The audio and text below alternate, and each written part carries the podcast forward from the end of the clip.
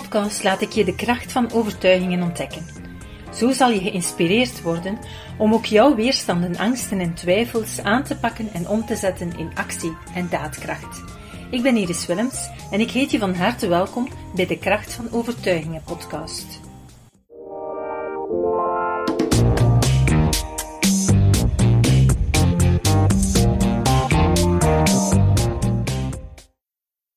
Vandaag in deze podcast heb ik een gesprek met Karine Laurent. Ze gaat ons eh, meenemen in haar verhaal waarin ze vaststelde van, ik raak hier niet vooruit. Eh, de technieken van prana die ik heb geleerd, dat, dat brengt hier geen verandering. En zij op het punt stond van, ik ga, ik ga ermee stoppen, hè, want het, het helpt niet. Um, maar dan plots toch vaststelt van, ah, er komt een doorbraak. En over dat moment en die, uh, die doorbraak gaat met ons in dit verhaal hebben. Welkom Karin. Dag Erin. Zou jij even kunnen vertellen aan de luisteraar wat jouw verhaal is, hè, waar je mee te maken had en, en hoe dat dan een beetje geëvolueerd is, hoe het dan gekomen is dat je dan toch een, een doorbraak hebt gekregen? Zoals je weet um, heb ik jou, uh, als ik al een paar maanden niet meer werkte, gebeld omdat ik er volledig door zat. En ik kende jou dan ook al heel lang van in de beginjaren van Prana, mhm. waar ik als opleidingsverantwoordelijke beroep deed op jou om een opleiding te komen geven in verband met ontspanning en mhm. ontstressen. Nu, die oefeningen, die doe ik, of die deed ik nog regelmatig met de CD van toen. En ik weet dat die mij helpen. Mhm. Dus uh, ben ik dan ook met vol enthousiasme aan de Prana Flix opleiding bij jou begonnen.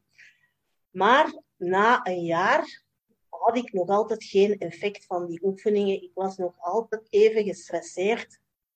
En ik raakte zo'n beetje gefrustreerd omdat andere medecursisten, die veel later begonnen waren als ik, dat die al wel effect hadden. Die kwamen tot diepe ontspanning, die kregen oplossingen in hun, op hun alfa-niveau aangeboden, die maakten contact met hun innerlijk kind. En bij mij was er niets, niets.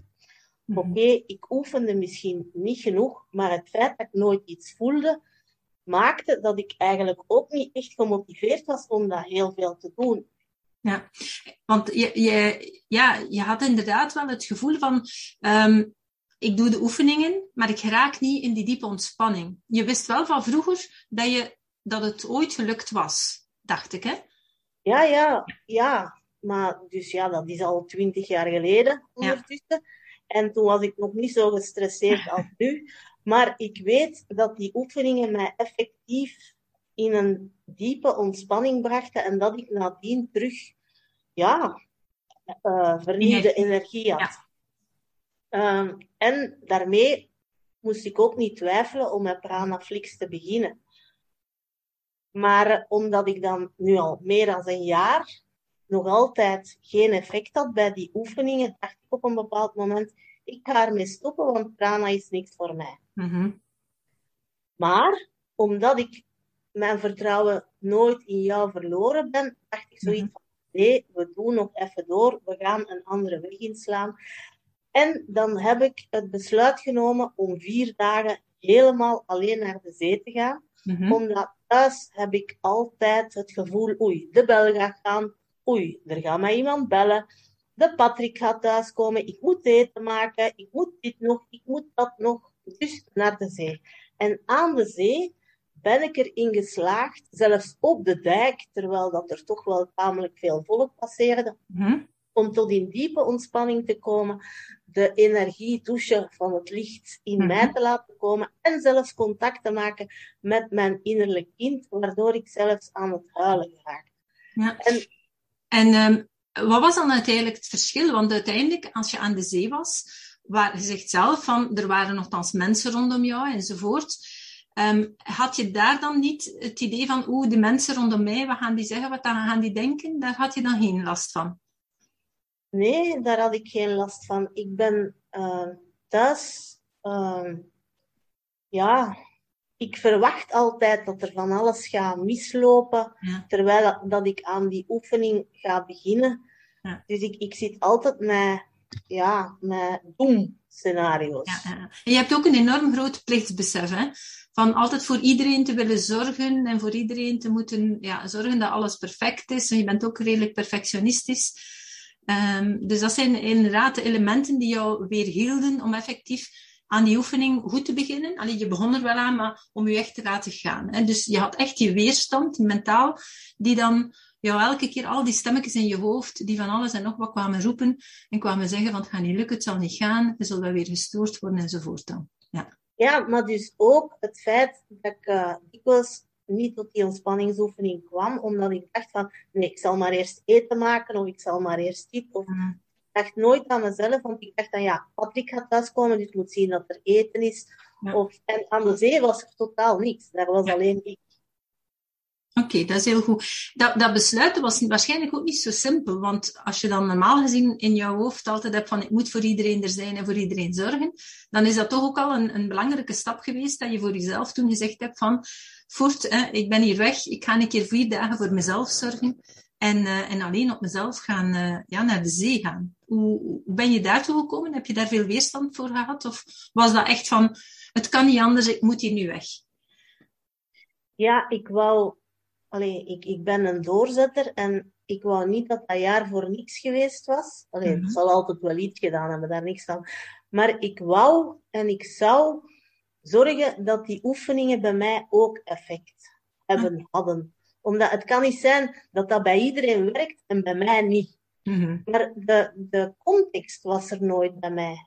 -hmm. En mijn man, Patrick, die zat er niet mee in dat ik vier dagen alleen naar de zee ging die dacht bij zichzelf, oh, als ik maar niet moet meegaan, want die gaat niet graag naar de zee.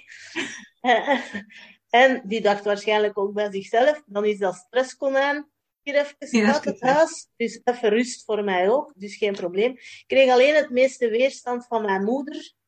Uh-huh. Omdat die zei, allee, ga jij uw, uw Patrick nu vier dagen voor zichzelf laten zorgen? Ik zeg, ja, dat is geen baby, hè. Ik zeg, ja. er zit nog, ik weet niet wat in een diepvries, dus dat komt allemaal in orde.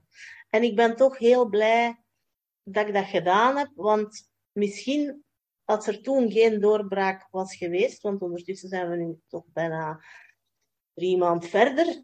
misschien had ik dan toch gestopt. Ja, en nu voel je wel van nu ben je op het goede pad. Nu ben je aan het evolueren, stap per stap. Um, voel je nu wel van, oké, okay, die oefeningen die werken terug. Ik kan geleidelijk aan mijn energie beginnen opbouwen. Um, is dat wat je ervaart of, of wat ervaar je precies? Uh, ja, uh, dat ervaar ik zeker. Maar bij mij is het ook zo. Ik wou dan, als ik pas Pranaflix was, en stap 1 en stap 2 en stap 3. En, allee, en ik wou dit doen en dat doen. En, en ik wou dat allemaal samen doen. En ik wilde dan ook nog eens allemaal goed doen. En uiteindelijk kreeg ik meer stress van mm-hmm. al die dingen die dat ik volgens mij allemaal moest doen. En dan liefst ook nog eens allemaal samen. Dat heb ik nu losgelaten. En ik zeg van, oké, okay, bij mij gaat het misschien wel wat trager. Maar ik boek wel vooruitgang. En zolang als dat ik vooruitgang boek, is het goed. Oké, okay. dat is een heel belangrijke. Hè? Wat je nu zegt, want heel veel mensen lopen daar tegenaan, willen, willen 35 dingen tegelijk doen, zetten zichzelf ook constant onder druk. Want dat is eigenlijk het enige verschil. Dat is dat, dat jij zelf nu inderdaad ook één, je bent die vier dagen weggegaan, maar nadien ben je teruggekomen en jouw context is nog altijd dezelfde. Maar toch kan je er nu al een handstuk anders mee omgaan, omdat door in die ontspanning te kunnen komen, heb je ook je gedachten en je mindset een stukje kunnen gaan beginnen bijsturen. Want zolang als je chronisch in stress blijft, kun je niet veranderen in je denkpatroon. En blijft je altijd maar dezelfde dingen gaan doen en kunt je daar niet uit. Nee, en ik weet nu ook hoe het voelt om in diepere ontspanning te gaan.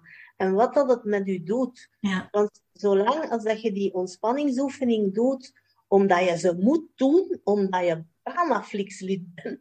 Mm. En omdat je die oefeningen moet doen om je stress te doen zakken. Maar zolang als dat je die oefeningen doet en bezig bent met geluiden dat zich kunnen voordoen of uh, taken die dat je nog moet doen, je moet je echt overgeven aan de oefening.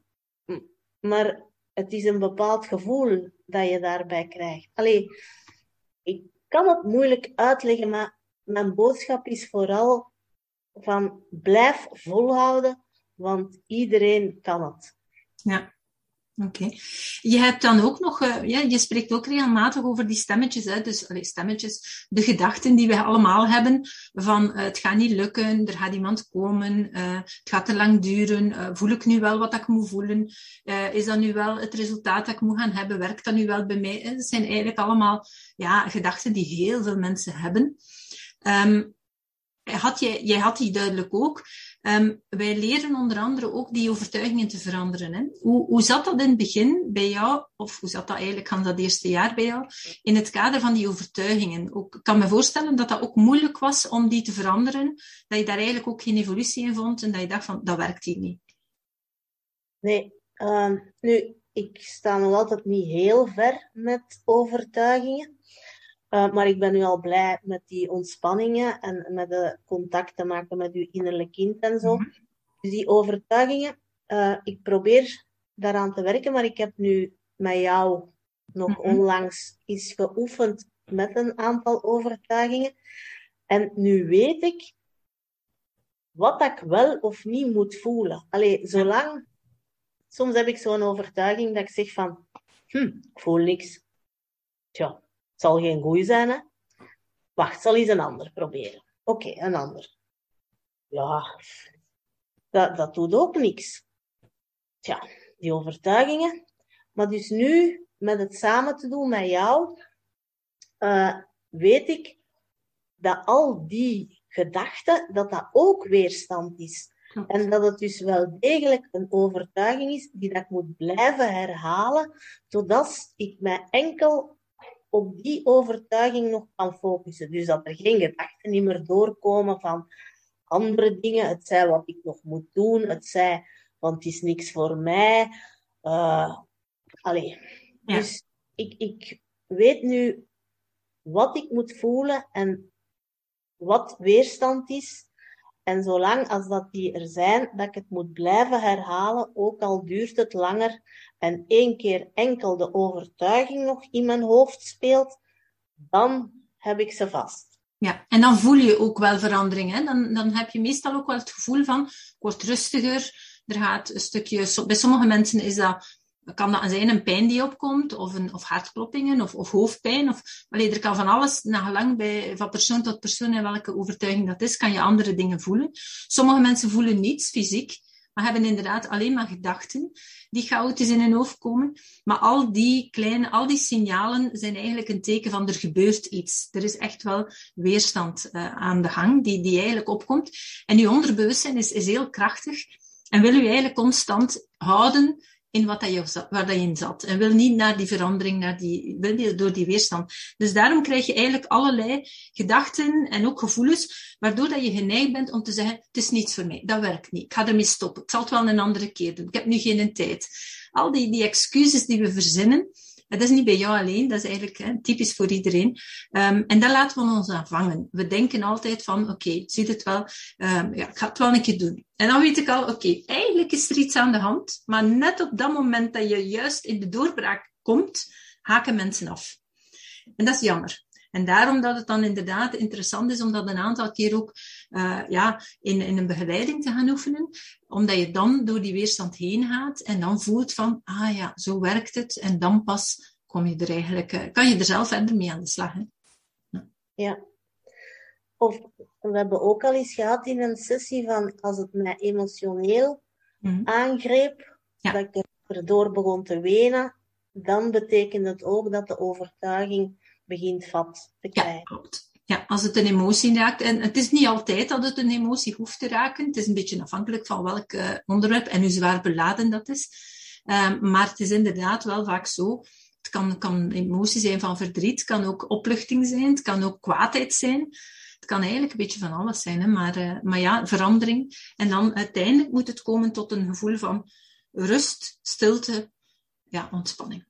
Ja. ja. Oké. Okay.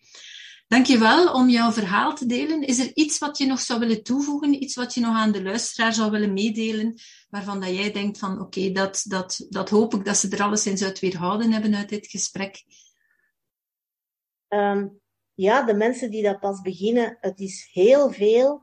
En als je bent zoals ik, dan wil je van alles tegelijk doen.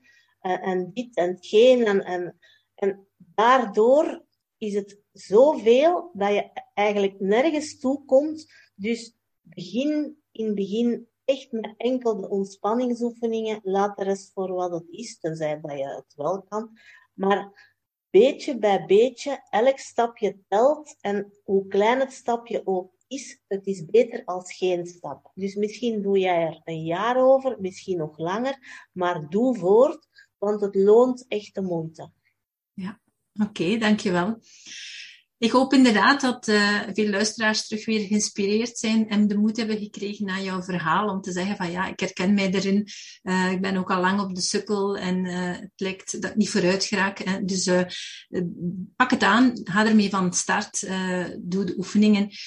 Um, en dan zal je merken van, ja, beetje bij beetje kom je vooruit. En eenmaal dat de bal aan het rollen is, dan gaat hij sneller gaan rollen. Hè. Dat is eigenlijk altijd zo. dat is even goed in de negatieve zin zo. En mensen die soms uh, beginnen met allerlei kwaaltjes te maken te hebben. Vaak gaat het van kwaad naar erger. Het wordt altijd maar erger en erger in de negatieve zin. Maar dat geldt evengoed in de positieve zin. Eenmaal dat de bal aan het rollen is om vooruit te komen en weer beter te worden, dan gaat hij ook sneller en sneller in de positieve zin. Dat geldt in de twee richtingen. Alleen die bal veranderen van richting, dat is de moeilijkste. Ja. ja. Goed, dankjewel Karin voor jouw bijdrage, jouw inspiratie en uh, de tijd die je vrijmaakte. En uh, dan wil ik alleszins de luisteraars ook bedanken voor uh, de aanwezigheid en hoop ik jullie te mogen verwelkomen in een volgende podcast. Dag. Dag.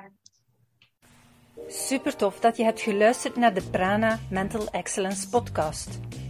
Ik hoop dat je het waardevol vond en dat je er inzichten uit hebt kunnen halen voor jezelf en voor je eigen business. Vond je het een waardevolle podcast, dan zouden we het heel erg waarderen als je dit zou willen delen. Enerzijds door dit te delen via je eigen Instagram of LinkedIn. Maar wat we nog meer zouden waarderen als je tijd en moeite zou willen nemen om ons een review achter te laten. Werk je met een Apple-telefoon, dan kan je dat doen binnen je eigen podcast-app door daar een review te geven. Geef ons een x aantal sterren met daarbij een korte motivatie wat je van onze podcast vindt. En werk je met een Android-telefoon, dan zie je dat de meeste apps geen review-mogelijkheid hebben. Wat we dan heel erg zouden waarderen, is als je op Google Prana Mental Excellence zou willen intypen en vervolgens via de Google Review-sectie iets zou willen vertellen over Prana, wat je van ons vindt en wat je aan onze podcast hebt gehad. Alvast heel erg bedankt.